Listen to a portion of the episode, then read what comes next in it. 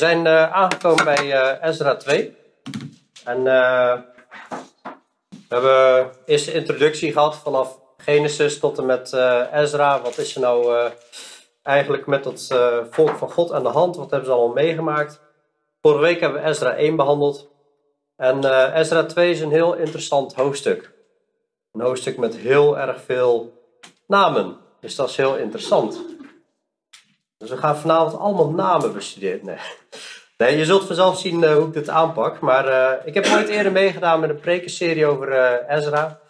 En toen werd het een beetje willekeurig verdeeld. En toen kreeg ik Ezra 2. Dus daar was ik heel blij mee. Maar eigenlijk heb ik er toch wel zin in. Want het is gewoon echt wel heel interessant wat je hieruit kan halen. Ik hoop dat jullie dat ook vinden. Want uiteindelijk vinden we hier toch ook weer geestelijke lessen. Allereerst het boek Ezra. Ik vind het een heel bijzonder boek. En wat mij eigenlijk het meest aanspreekt in Ezra, hè, dat is uiteindelijk Ezra zelf. Die, en die, die komt pas veel later komt hij in beeld. Maar die trekt in een later stadium op uit Babel. En waarom vind ik Ezra zo'n boeiend persoon? Omdat in hoofdstuk 6 vers 9 staat... Op de eerste van de maand was namelijk het begin van zijn tocht uit Babel. En op de eerste van de maand kwam hij Jeruzalem aan omdat de goede hand van zijn God over hem was. Ezra had namelijk zijn hart erop gericht om de wet van de Heer te onderzoeken, om die te doen en om in Israël de verordening en bepalingen te onderwijzen. Dus dit was een man die Gods woord onderzocht. Hij deed het en hij gaf het door aan de mensen, aan de volgende generatie ook.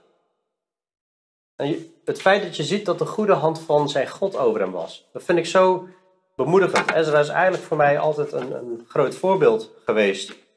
En nou, hij is waarschijnlijk ook degene die deze lijst heeft uh, opgesteld. En diverse uh, boeken, eigenlijk een groot deel van het Oude Testament, heeft gebundeld. En je ziet ook, omdat de goede hand van zijn God over hem was, kwam hij op uit Babel.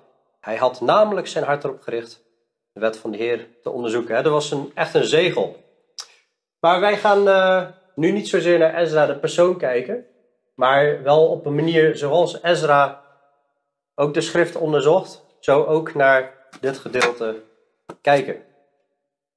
Ik behandel vier punten. Elk hoofdstuk in de Bijbel heeft een doel. God is geïnteresseerd in details. God roept zijn mensen met een doel. En God rust zijn mensen toe voor zijn werk. Ja, er zit natuurlijk overeenkomst in met de introductie, maar dat is niet uh, erg. En ik heb de titel even genoemd: Terug naar het huis van God. Dus we beginnen even met elk hoofdstuk in de Bijbel heeft een, een doel. Nou, waarom staat Ezra in de Bijbel? Ik zou willen dat het letterlijk ergens stond in die brief van, uh, nou, deze brief is geschreven, want. Maar ja, je ziet natuurlijk, uh, al, je komt natuurlijk allemaal dingen tegen en dan kun je wel conclusies trekken waarom dit geschreven is. Ik geloof dat dit een soort monument is om Gods trouw te laten zien, zowel in zegen als in de vloek. Een onderdeel van de vloek was dat ze 70 jaar in ballingschap zijn geweest, maar de zegen is weer dat God trouw is aan zijn belofte. Hij had gezegd, na 70 jaar zul je terugkomen. En, en zo vervult hij eigenlijk de profetie gegeven aan Jeremia. In hoofdstuk 1 vers 5 zagen we, toen stonden de familiehoofden van Juda en Benjamin en de priesters en de levieten op alle bij wie God de geest had opgewekt om op te trekken om het huis van de Heer te bouwen die in Jeruzalem woont. God wekte geest op van mensen. Dat is een enorme bemoediging om te zien. Het is Gods werk. God had ook uh, koning Kores opgewekt om het huis te bouwen van God. Ik wil nog even stilstaan, voordat ik wat specifieker op Ezra 2 inga. Ook over die 70 jaar gevangenschap. Ik vind dat wel boeiend, want we gaan het vandaag hebben over details. En ik vind het hele belangrijke details om toch even bij stil te staan. Ze zijn 70 jaar in gevangenschap gegaan. Het is interessant om te, om te onderzoeken wat God heeft gezegd over de Sabbat en de Sabbatjaren en welke link dat heeft met die 70 jaar gevangenschap. In Leviticus 25 vers 3, er staan instructies aan Israël. Dan zei hij, zes jaar mag u uw akker bezaaien, zes jaar mag u uw wijngaard uh, snoeien en de opbrengst ervan inzamelen. Maar in het zevende jaar moet het voor het land Sabbat zijn. Een periode van volledige rust. Een sabbat voor de Heer. Uw akker mag u niet bezaaien en uw wijngaard mag u niet snoeien. En dat heet een, een, een sabbatsjaar. Een heel jaar moesten ze rust hebben. Dan mochten ze niet zaaien, ook niet de wijngaard snoeien. Ze moesten dan leven van wat het land op dat moment uit zichzelf gewoon opbracht. Ze mochten het verder niet bewerken. Ze mochten er wel van, van eten. In het volgende hoofdstuk, Leviticus 27, is eigenlijk een heel pittig hoofdstuk. Met hele zware waarschuwingen. Als zij niet in de weg van de Heer zouden wandelen, zouden allemaal vloeken komen.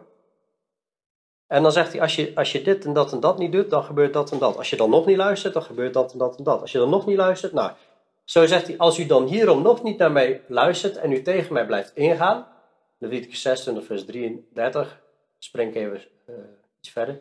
Ik zal u dan onder de heidevolken verstrooien en ik zal achter u een zwaard trekken. Uw land zal een woestenij worden en uw steden een puinhoop. En dan zal het land behagen scheppen in zijn sabbatsjaren. Dus dan gaat het land rust krijgen. Alle dagen dat het verwoest ligt en u in het land van uw vijanden bent. Dan zal het land rusten en zal het behagen scheppen in zijn sabbatsjaar. Dus dat is wel interessant. Elk zevende jaar is dus een, eh, een sabbatsjaar. Nou, vervolgens hebben ze niet geluisterd. Ze gaan in gevangenschap. Terwijl ze in gevangenschap zijn, wordt iemand meegevoerd in eh, gevangenschap. Een, een, een Joodse man, dat is Ezekiel. En die zit in Babel. En Ezekiel, het hele boek Ezekiel, die profetie komt vanuit Babel. En in Ezekiel 4 vers 4 staat een hele bizarre profetie. Er staan wel vaak hele bizarre profetieën. Deze hoort bij mij wel ongeveer tot de top 3 aan uh, vreemde profetieën. En de andere die in de, in, in de top staat, dat is Jesaja, die drie jaar uh, naakt rond moet lopen als een profetie. Een ook een hele vreemde.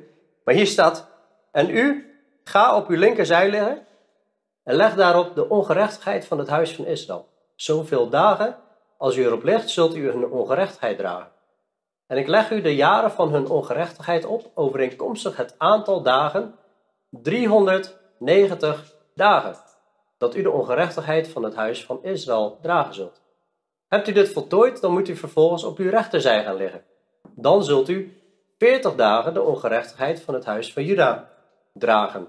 Voor elk jaar leg ik u een dag op. Dat is heel erg lang. 390 dagen op één zij liggen. Ik weet vanuit mensen uit het ziekenhuis, je heel lang op één kant ligt, dan krijg je allemaal doorlichtplekken en, en zweren. En nou, dat is niet fijn. 390 dagen en dan nog 40 dagen op de andere zijde. Elk jaar moet hij een dag opnemen. Dus ja, 390 dagen is Israël ongehoorzaam geweest en 40 uh, eh, dagen, 40 jaar, uh, dus uh, Juda. Wat interessant is, stel je er bij elkaar op, heb je, heb je het over 430 dagen en dat staat dan voor 430 jaar. Dus je kijkt hoeveel sabbatjaren daarin zitten, dan zijn dat 62. En dus elke zeven jaar heb je een sabbatjaar. Maar je hebt ook nog te maken met jubeljaren. Elke zeven keer zeven jaar had je een, een, een jubeljaar. Dat was een soort extra uh, sabbatjaar. En als je dat bij elkaar optelt, dan kom je dus op 70 sabbatjaren. En ze waren 70 jaar in gevangenschap. En God zei ook: Ik zal jullie dan wegsturen. En dan zullen de sabbat, uh, of dan zal het land zijn sabbatsrust hebben, zeg maar. En dat vind ik interessant. Vind ik interessant dat Gods details zo nauw verweven zijn met elkaar. Nou goed, je mag het er niet mee eens zijn, maar ik vind, ik vind het wel typisch dat dit uh, zo dicht uh, bij elkaar aansluit. En dus het aantal sabbatjaren komt overeen met 70 jaar ballingschap. ik geloof dat elk hoofdstuk in de Bijbel heeft een bepaald doel. Ook Ezra 2, met al die namen en, en, die, en, die, en die lijsten. Een ander, uh, ander voorbeeld, wat we vinden in nummer 2. Nummer staat bekend, de naam zegt het al. in het Engels heet het numbers. er staan heel veel nummeringen in van de mensen. Waarom staan die grote lijsten met tellingen en geslachtsregisters in de Bijbel? Bijvoorbeeld nummer 2. Nou, in, in, in vind je op een gegeven moment eh, hoe de, het, het, land, het leger zich moet opstellen. Het tabernakel moet in het midden zijn. Dan moeten de, de stammen van uh, Levi en Mozes en Aaron, die moeten direct eromheen zich vestigen. Dat, en dat vind je in, in nummer 2. En dan moeten er drie stammen aan de ene zijde, of er moeten de stammen aan de ene zijde, aan de noordzijde, aan de zuidzijde, oost en west, die moeten zich op deze manier dan gaan ordenen. Wat dan opvalt is dat deze die zit een beetje in dezelfde range. Die zit rond de 150.000. Die zit veel lager en die zit veel hoger. Komt door Juda, die drijft eh, de aantallen een beetje op. Maar als je dit dus zou visualiseren, dan zie je eigenlijk, zie je dus dit. Dan zie je eigenlijk de vorm van een, van een kruis. Waarbij het heilige het, het, centrum is, zeg maar. En ook dit kun je toevallig vinden, maar ja, ik geloof eigenlijk niet zo heel erg toeval dat die, dat die getallen leiden tot de vorm van een kruis. Je zou bijna zeggen, het lijkt wel alsof God vanuit de hemel zo naar beneden kijkt en eigenlijk al het, het kruis ziet. En het hele werk in de tabernakel staat al voor ehm, wat wij nu meemaken, het werk van Jezus en uh, het betrekken van mensen in zijn, in zijn uh, verlossingswerk, zeg maar. Ook dit, ja, je kunt het toeval vinden, je kunt zeggen, nou, daar kan ik niks mee, maar ik vind het wel bijzonderheden. Wat zien we nog meer in die lijsten? We zien uh, dat God steeds bezig is met zijn belofte. De slangvertrapper die zal komen op een dag. Dat zien we in Genesis 3, vers 15. En God heeft dat heel goed laten registreren in de Bijbel. Hoe die lijn helemaal tot stand komt. De zegen vanuit Abraham zal via zijn afstammelingen komen. Dan zien we dat Abraham pakt die lijn op en vanuit Abraham zal het weer verder komen. En uiteindelijk zien we dat in de stam, uit de stam van Juda. Juda was een zoon van uh, Israël, Jacob. Op de, op de troon van David komt de leeuw van Juda, de zoon van David uiteindelijk. En dat is de hele tijdlijn naar de Messias. We hebben eerder al gezien, de scepter zal van Juda niet wijken, evenmin de heersstaf van tussen zijn voeten, totdat Silo komt en hem zullen de volken gehoorzamen. Nou, er staat vandaag ook weer een naam in deze lijst, zullen we zo op uitkomen die eigenlijk die lijn naar Jezus weer draagt. Die eigenlijk de lijn naar de Messias draagt. Nou, je schrik je misschien even van. Ik heb hem ooit wel eens eerder laten zien. Ik ben hem vergeten, maar ik heb een, uh, een, een, boek, dat is een tijdlijn. Die kun je openslaan. Die kun je zo hier helemaal uitleggen op die uh, tafel. En dan zie je vanaf uh, Adam tot en met Jezus, zie je eigenlijk de hele geschiedenis in, in een tijdlijn uiteengezet. En dat is heel boeiend om te zien, want dan zie je de boeken van de Bijbel en de profeten zie je op bepaalde plekken. En waarom is dat boeiend om te zien? Omdat je dan de samenhang gaat zien. Nou, wij zitten nu in dit gedeelte. Hier zie je allemaal boekrollen. Dat is een boekrol van, uh, van, van Ezra, hier deze. Vorige keer heeft Onno al verteld, ik ga dit gedeelte ga ik nu even inzoomen. Uh, dat uh, de ballingschap heeft in drie fasen plaatsgevonden. In dit is de lijn van, van, van Juda. In drie fasen werden ze gevangen genomen. En hier zie je eigenlijk het rijk van Nebukadnezar. Uh, nou, dat was het uh, Babylonische Rijk. Het Babylonische Rijk werd op een gegeven moment overgenomen door het Mede- en Perzische Rijk. En hier zitten wij nu. Wij zitten nu in de tijd van koning King Cyrus, koning Kores. En hier is de eerste groep die dus terugkeert. Maar goed, wij weten dus aan de hand van dus dit hoofdstuk, onder andere, dat geeft deze informatie. Later uh, zullen een tweede en een derde terugkeer gaan, gaan tegenkomen in Ezra en in Nehemia. Door deze tijdlijnen zie je dus ook de samenhang. We zien dus ook dat Haggai en Zacharia zijn twee profeten die profiteren in deze, rond deze tijd. Zullen we later in hoofdstuk 7 bij stilstaan. Nou, Nehemia komt daar dus uh, achteraan. Maar hier zie je de lijn, de lijn helemaal naar Jezus toe. En vandaag in hoofdstuk uh, uh, 2, vers uh, eh, 2, daar wordt een Zerub Babel genoemd. En, en daar, die lijn die wordt eigenlijk helemaal door de hele Bijbel heen wordt die benoemd. Hoe je, en hoe het uiteindelijk weer op Jezus uitkomt. Hè, zodat je helemaal die beloftes kan, kan traceren.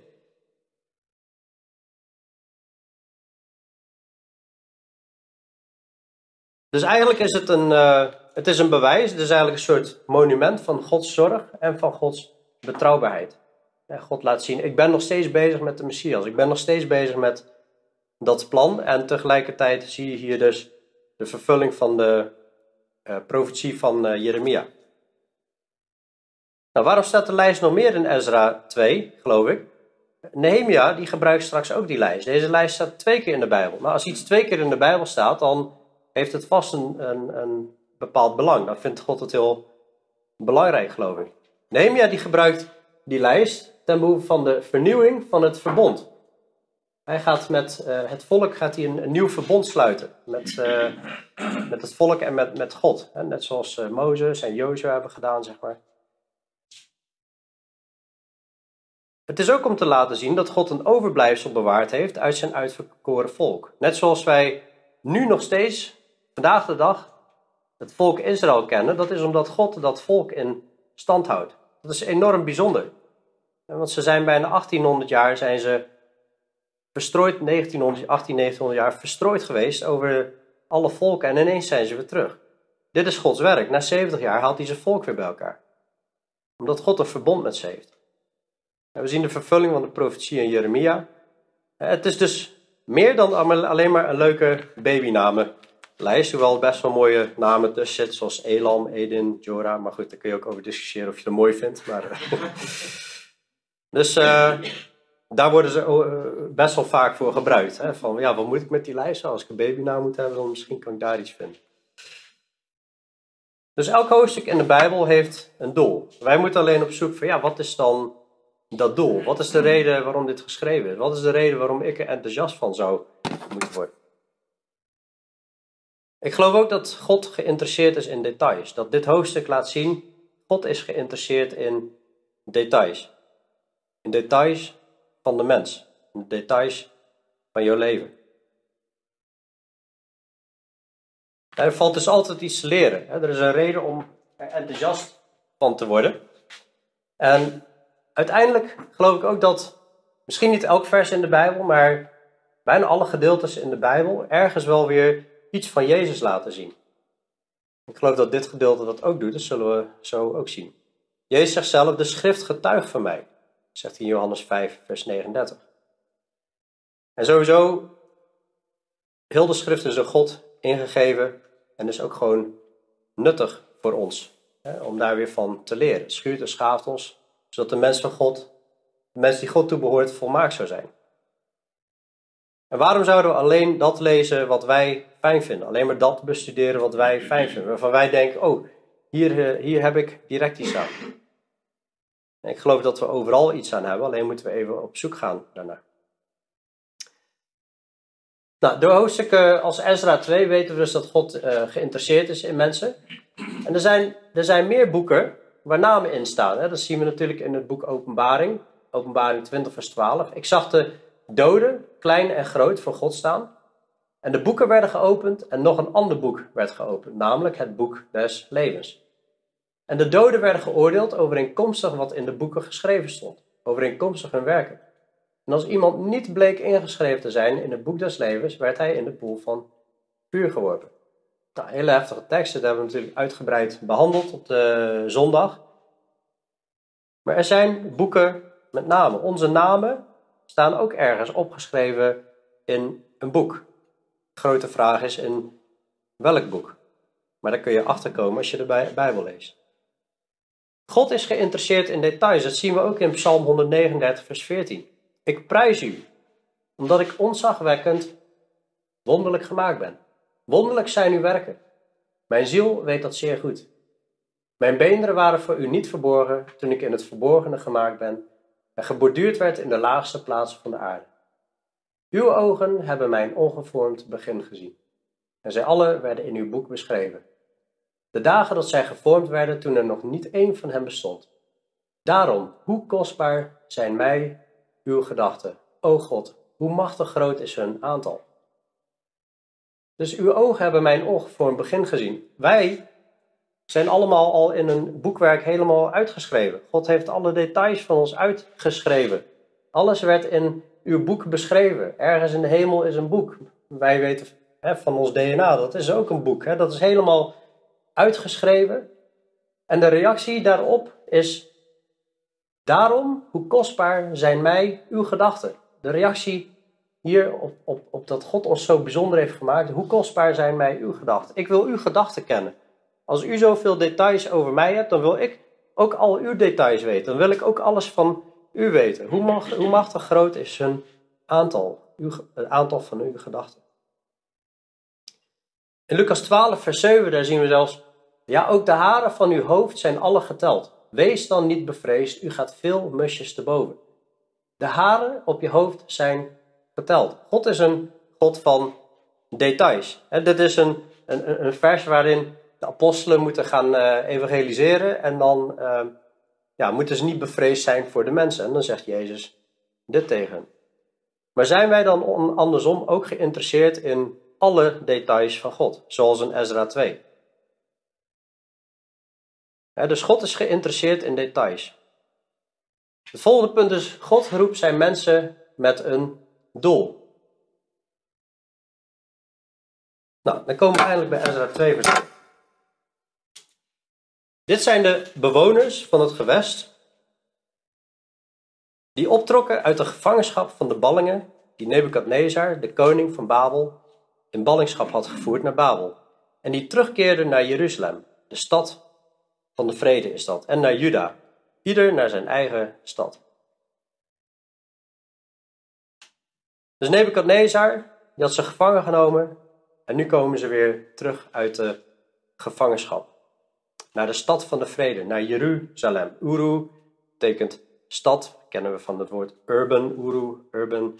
En Salem is vrede. Ze gaan weer naar de stad van de vrede. En naar Juda, ieder naar zijn eigen stad. En dat is wel bijzonder, ieder naar zijn eigen stad. Dus God had die steden eh, toch nog in ieder geval ja, deels bewaard, zodat ze er weer in konden gaan wonen. Jeruzalem was wel een drama, maar in ieder geval de andere steden waren kennelijk nog bewoonbaar.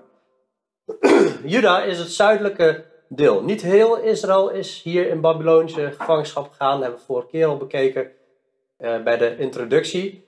Maar alleen het deel uh, van uh, Juda, dat is het zuidelijke deel. Nou, die hebben honderden jaren hebben die geleefd met een aantal koningen. Als het groen was, dan waren, deden ze wat goed was in de ogen van de Heer. En dus best wel wat koningen deden wat goed was in de ogen van de Heer, maar eigenlijk maar twee volkomen. En, en richting rood is het slecht. Maar de koningen van Israël, die deden wat echt slecht was in de ogen van de. Die zijn verstrooid, die zijn verstrooid over alle volken in Assyrië. En de Assyrische koning stuurde mensen terug in dit land om dat te bewonen. Er bleven wel wat Israëlieten achter, van de noordelijke tien stammen. Maar die gingen zich vermengen met die Assyriërs en dat werden de uh, Samaritanen, eigenlijk de, de halfjoden uit dat gebied. Maar we hebben het dus over dit deel, dat trekt terug. Die ging in 568, nee 586 voor uh, Christus. Werden ze gevangen genomen en nu komen ze dus terug in Babel. En die meekwamen met, uh, even kijken, even vanaf vers 1 nog een keer. Dit zijn de bewoners van het gewest die optrokken uit de gevangenschap van de ballingen, die Nebukadnezar, de koning van Babel, in ballingschap had gevoerd naar Babel. En die terugkeerden naar Jeruzalem en naar Juda, ieder naar zijn eigen stad. Die meekwamen met Zerubabel, Yeshua, Nehemia, Saraja, Reelaya, Mordechai, Bilzan, Mispar, Big, Bigvai, Rehum en Baena. In het Engels, uh, ik moest toen die preek in het Engels, Baana, niet Baana heette die. Niet banana, maar Baana. Maar uh, ja, even voor de duidelijkheid. Dit is niet de Nehemia van het boek Nehemia. Die komt pas 80, 85 jaar later. Dit is ook niet de Mordechai, die neef van Esther uit het boek Esther. Dat speelt zich pas veel later af. Hè? die hebben toevallig dezelfde naam. Zerubabel is degene die dus die lijn draagt naar Jezus toe. Die zit in het geslachtsregister naar Jezus. En Yeshua, daarvan weten we, hij is de hoge priester. Dat halen we uit Haggai 1 vers 14. Haggai, dat speelt eigenlijk later pas. Wanneer ze eh, een tijd de tempel aan, aan het uh, bouwen zijn geweest, worden ze ontmoedigd. Daar gaan we naar kijken. Hè. Als je uh, Gods huis gaat bouwen, dan krijg je strijd. En dan werden mensen ontmoedigd. En dan moest God weer profeten sturen. Dat was Haggai en de Heere wekte de geest van Zerubbabel, de zoon van Sealtiel, de landvoogd van Juda. dus hij was een landvoogd, hij was een leider. Die, uh, en de geest van Jozua, de zoon van Jozadak, de hoge priester, die wekte die op. En de geest van heel het overblijfsel van het volk. Toen kwamen zij en begonnen het werk aan het huis van de Heer van de legermachten hun God te doen. Dus Zerubbabel en Yeshua zijn belangrijke personen in dit geheel. Hij leidt het en hij is de hoge priester. In Zacharia zien we ook over hun geschreven. En in Zacharia zien we dat, dat ze een, uh, als een soort beeld zijn, als een soort teken, als een soort uh, sign. In Zacharia 3 vers 8, hè, dat is ook in die tijd dat ze ontmoedigd waren met het bouwen van het huis. En weer opnieuw opgeroepen worden om verder te bouwen. Dan staat hier in Zacharia 3 vers 8, luister toch, hoge priester Jozua. Dat is hetzelfde als Yeshua. Jozua, Yeshua, dat is hetzelfde. Dat is ook dezelfde naam als Jezus. Jezus, hij die redt. Dat betekent hetzelfde. Luister toch, hoge priester Jozua, u en uw vrienden die voor u zitten. Zij zijn immers een wonderteken. In het Engels staat er, these are men who are a sign. Want zie, ik ga mijn knecht de spruit doen komen. Ook in Zachariah 6 zie je dat eigenlijk weer terugkomen. Dat uh, Jozua of Yeshua, die, eh, die is hoge priester. En dan moet hij ineens kronen moeten ze maken. En die moet hij op zijn hoofd doen. Dat is nog nooit voorgekomen.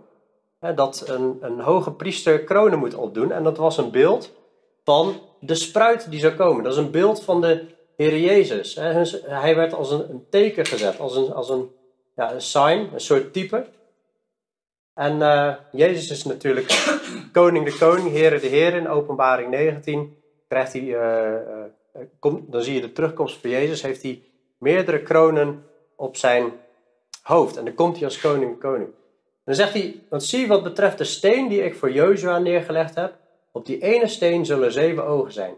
Zie, ik zal er zijn gravering in aanbrengen, spreekt de Heer van de legermacht. Ik zal de ongerechtigheid van dit land op één dag wegnemen. Op die dag, spreekt de Heer van de legermachten, zal ieder zijn naaste uitnodigen onder de wijnstok en onder de vijgenboom. Nou, dat is een beetje lastig wat hier nou uh, precies staat.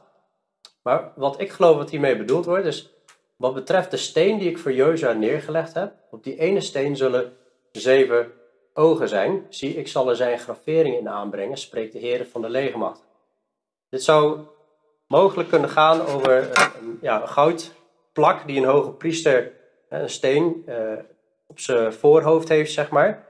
Uh, en daarop stond uh, de, de, heiligheid van de Heer. Dat, de hoge priester droeg altijd zo'n plak op zijn voorhoofd. Maar het interessante is dat hier staat ook dat uh, op die ene steen zullen zeven ogen zijn. Jezus zie je in openbaring 5, die zie je voor de troon van God staan, als het lam wat geslacht is, met zeven horens en zeven ogen. En dat zijn de zeven feesten van God die de hele aarde doorzoeken. Dus ik geloof dat we hier in, in, in Yeshua, in Joshua, een heel duidelijk type, een beeld van Jezus zien. Ik zal er zijn graveringen aanbrengen, brengen, spreekt de Heer van de legermacht. Ik zal de ongerechtigheden van dit land op één dag wegnemen. Op die dag spreekt de Heer van de legermacht en zal ieder zijn naaste uitnodigen onder de wijnstok en onder de vijgenboom. Ik geloof dat zelfs in dit hoofdstuk, Ezra 2, dat je mensen ziet die in ieder geval gelinkt zijn of een type zijn of in een geslachtslijn zitten van Jezus. Dus als de, Jezus zegt de schrift getuigt van mij, dan zie je dat overal zie je dat wel ergens terug, zelfs in de geslachtsregisters. En dan roept God zijn mensen. En als hij zijn mensen roept, dan roept hij ze met een doel. We weten natuurlijk, als, uh, als we kijken hier naar de bouw van Gods huis, dan kunnen we er naar kijken als een, een, ja, een puur feitelijk geschiedenisverhaal. Ja, goed, uh, nou, we leren hier uh, dat ze steentjes gingen stapelen en dat is goed om te weten. Maar als wij daar naar kijken, dan kijken we natuurlijk met de bril vanuit het Nieuwe Testament om geestelijke lessen te leren. Als het huis van God gebouwd wordt, het kwam zondag ook in de preek voor, de bouw van Gods huis, dan zijn we op zoek naar geestelijke lessen. En ik, ik stelde mezelf de vraag van, wat voor mensen zouden wij sturen om een tempel te bouwen? En dan heb ik het even over letterlijke, letterlijk een tempel waar je steentjes gaan gaat stapelen.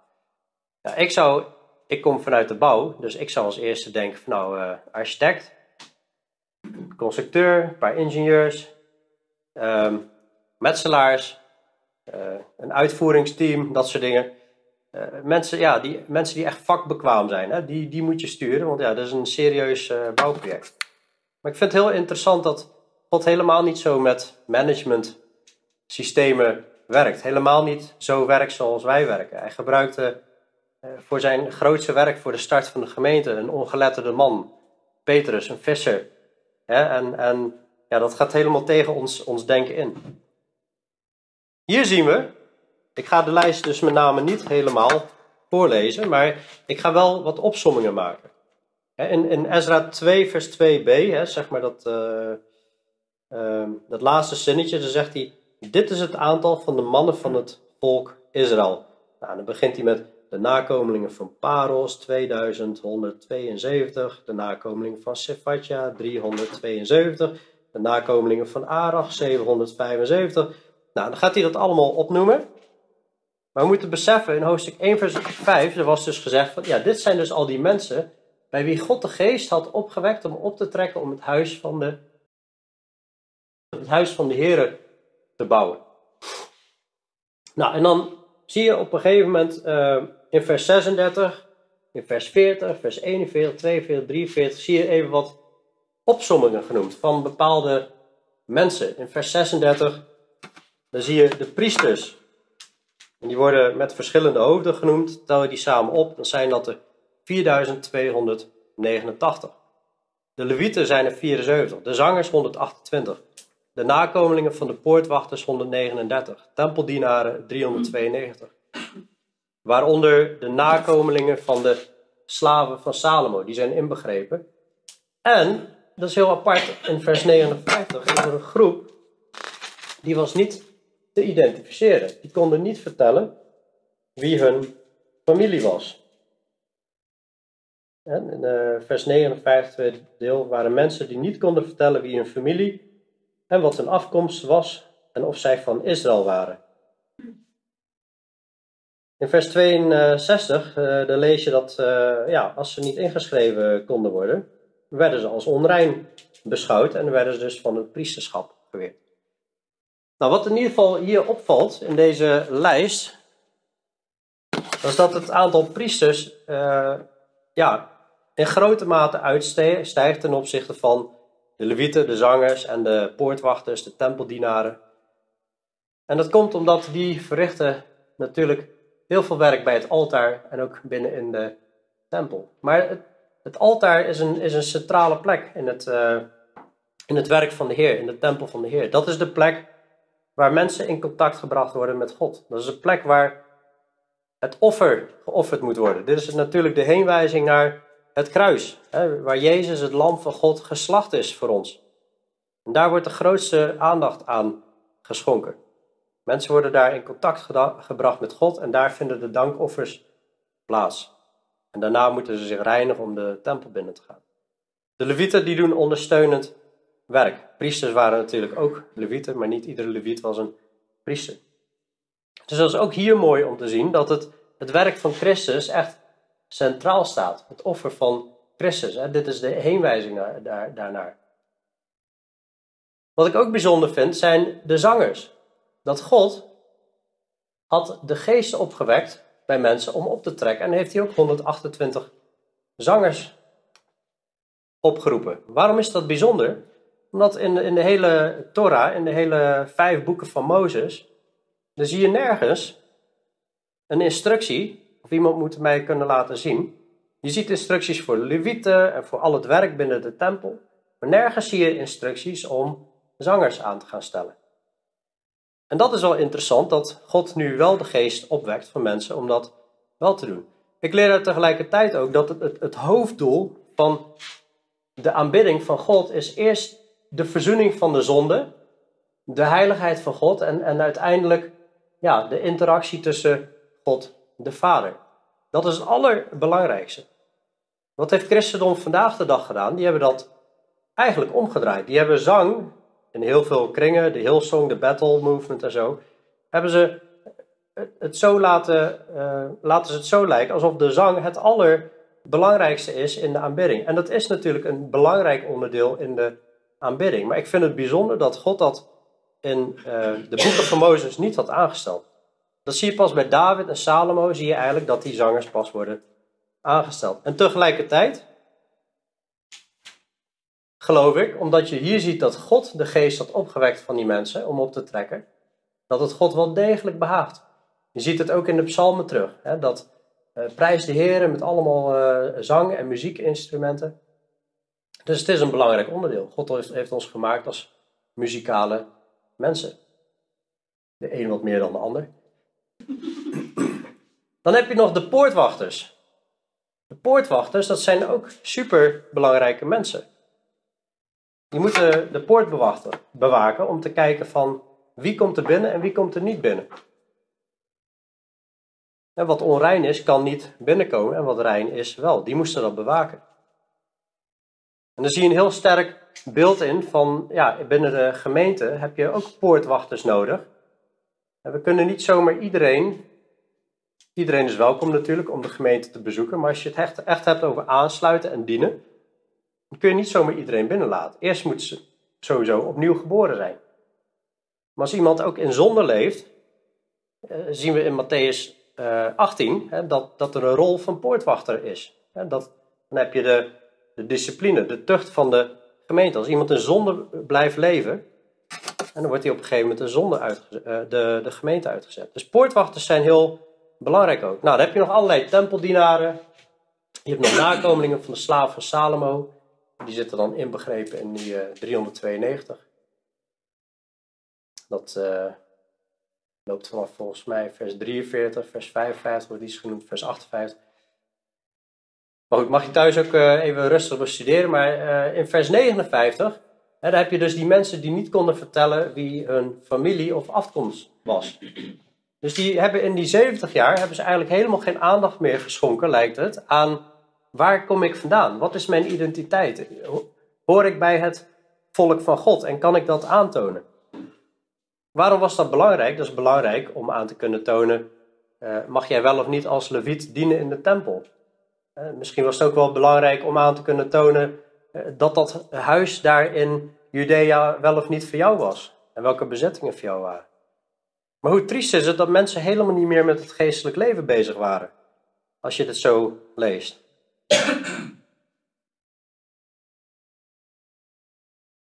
En vandaag de dag kom het evangeliseren of links en rechts kom je christenen tegen.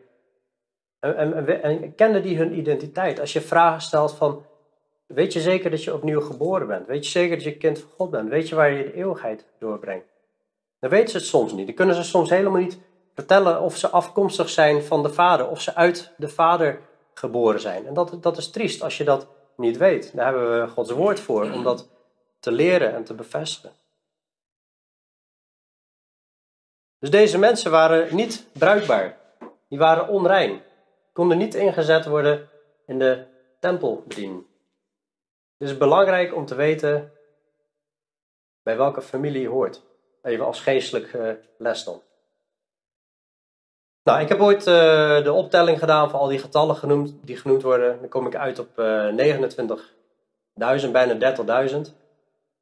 In vers 64, uh, daar staat uh, ehm, 42.000, maar goed, inclusief de dienaren staat in vers 64, 65. Kom je bijna uit op 50.000 man.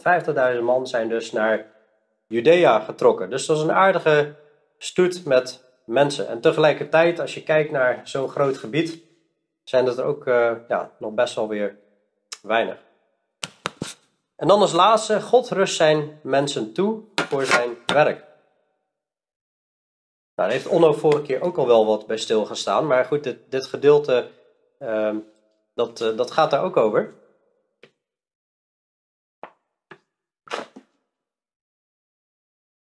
Allereerst rust God mensen toe in de geestelijke gaven, in een rol die ze gaan spelen in het werk van God.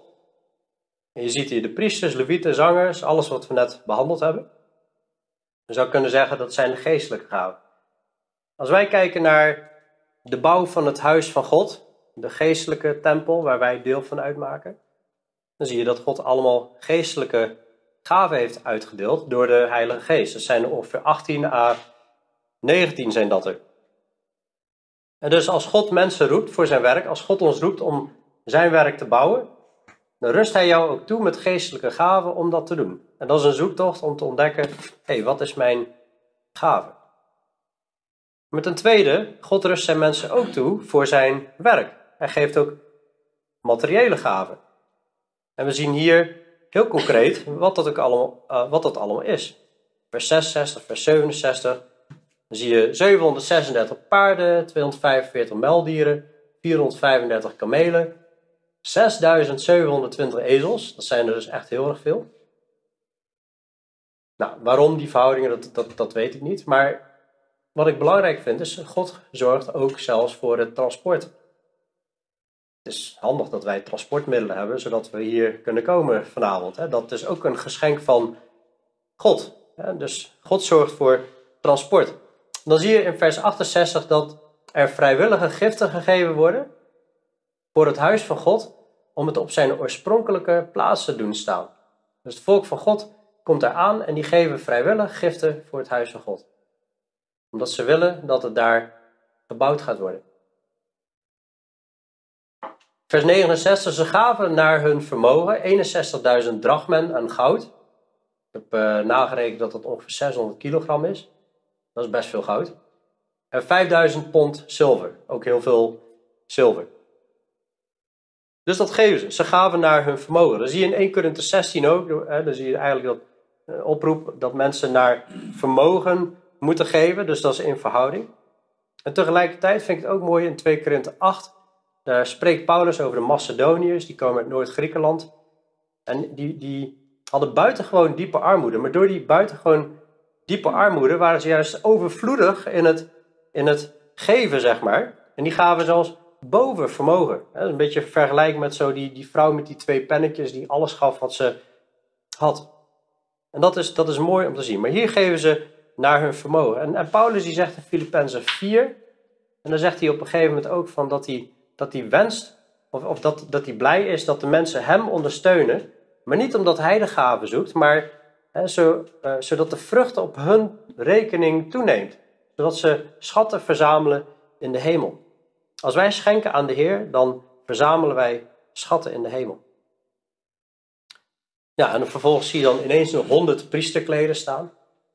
De priesterkleden is natuurlijk ook een heenwijzing naar hè, dat wij bekleed zijn met Christus. In, in uh, Openbaring 19 wordt zelfs gesproken over uh, ja, die witte kleden. Dat zijn eigenlijk de gerechtigheden van de heiligen, straks bij de bruiloft van het lam. Maar ik vind het heel opvallend, dan zie je allemaal uh, dingen genoemd, belangrijke dingen voor de bouw. Maar wat missen we hier? Iemand enig idee wat we hier nog missen? Bouwmaterialen. Bouwmaterialen, ja. Gereedschap. Ik miste de. Ja? En stijgers. Stijgers. ja, die had ik nog vandaan verwacht, hè? Dan, uh, ja. Nee, ik. Zeg Nou, ik, uh, ik had vooral gedacht dat de ark van het verbond in ieder geval wel hier genoemd zou worden. Dat is het allerbelangrijkste eh, onderdeel. Ik heb geen idee waarom dat niet genoemd wordt. Moest hij opnieuw gebouwd worden? Of uh, ik, ik, ik weet het niet. Er wordt natuurlijk wel alles vanuit Babylon weer meegegeven aan giften. Maar wat ben ik blij dat wij op dit moment geen draagbare ark hebben, geen draagbaar, draagbare plek van het heilige der heiligen, wat verloren kan gaan. In 1 Samuel 4 zie je ook dat op een gegeven moment de Filistijnen de ark stelen, wat vervolgens overal een vloek geeft. Maar ik ben blij dat wij geen draagbare ark hebben die verloren kan gaan, maar dat wij een heilige der heiligen hebben bij God in de hemel, Waar we elke dag binnen kunnen komen. Waar we elke dag kunnen naderen tot uh, onze grote hoge priester. En waar hij verzoening heeft gedaan op het verzoendeksel.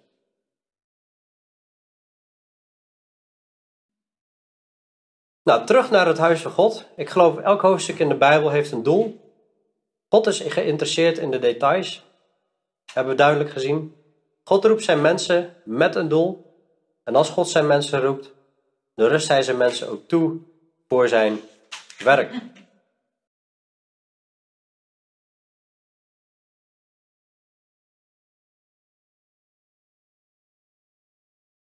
En uiteindelijk is de vraag natuurlijk, en sluit bijna aan bij de vraag van uh, zondag. Ben je bezig, en dat heb ik niet gepland dat die timing zo uitkomt, ben je bezig met Gods huis te bouwen? Eh, ofwel vanuit je geestelijke gaven te dienen, maar ook financieel materieel om te helpen. Daar, daar roept de Bijbel ook toe op om zeg maar, in alles de Heer te dienen. Om alles van onszelf te geven. En ik ben niet uit op jullie centen, dat meen ik serieus. En iedereen mag altijd in de centen eh, eh, kijken, van het beheer van huis van God. Maar God roept op dat we samen zijn huis bouwen. Wij zijn het huis van God. Toen was het de fysieke tempel. God heeft er nu voor gekozen dat we leven in een geestelijke tempel. Dus ja, als je zo'n stukje, zo'n geslachtsregister, of niet, het is niet een geslachtsregister, maar als je zo'n zo'n lijst met namen bestudeert, dan zie je dat er toch eigenlijk best wel interessante dingen in te ontdekken zijn. En lessen, zelfs geestelijke lessen uit te halen zijn. Ik hoop, uh, ik hoop dat het jullie aangesproken heeft, in ieder geval uh, om te zien hoe God bezig is met, met zijn werk. En uh, God alle details uitwerkt. De namen, de middelen. Hij wekt de geest op van mensen. Het is echt, in alles is het Gods werk. En zo is God ook nu nog steeds bezig mensen hier uit de wereld te halen, hun geest op te wekken, zoals wij hier nu zitten, om zijn werk te gaan doen. En dat vind ik een enorme bemoediging, dat, dat uh, God een zondaar als ik wil gebruiken voor zijn werk. En daar mogen God enorm uh, dankbaar voor zijn.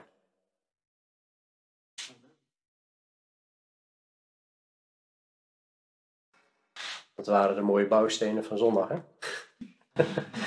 Goud, zilver, edelmetalen en houtstoppels of stro. Hè? Dat uh, kun je met allemaal verschillende materialen bouwen. Met het een ontvang je loon en met het andere leid je schade, maar zelf word je wel behouden.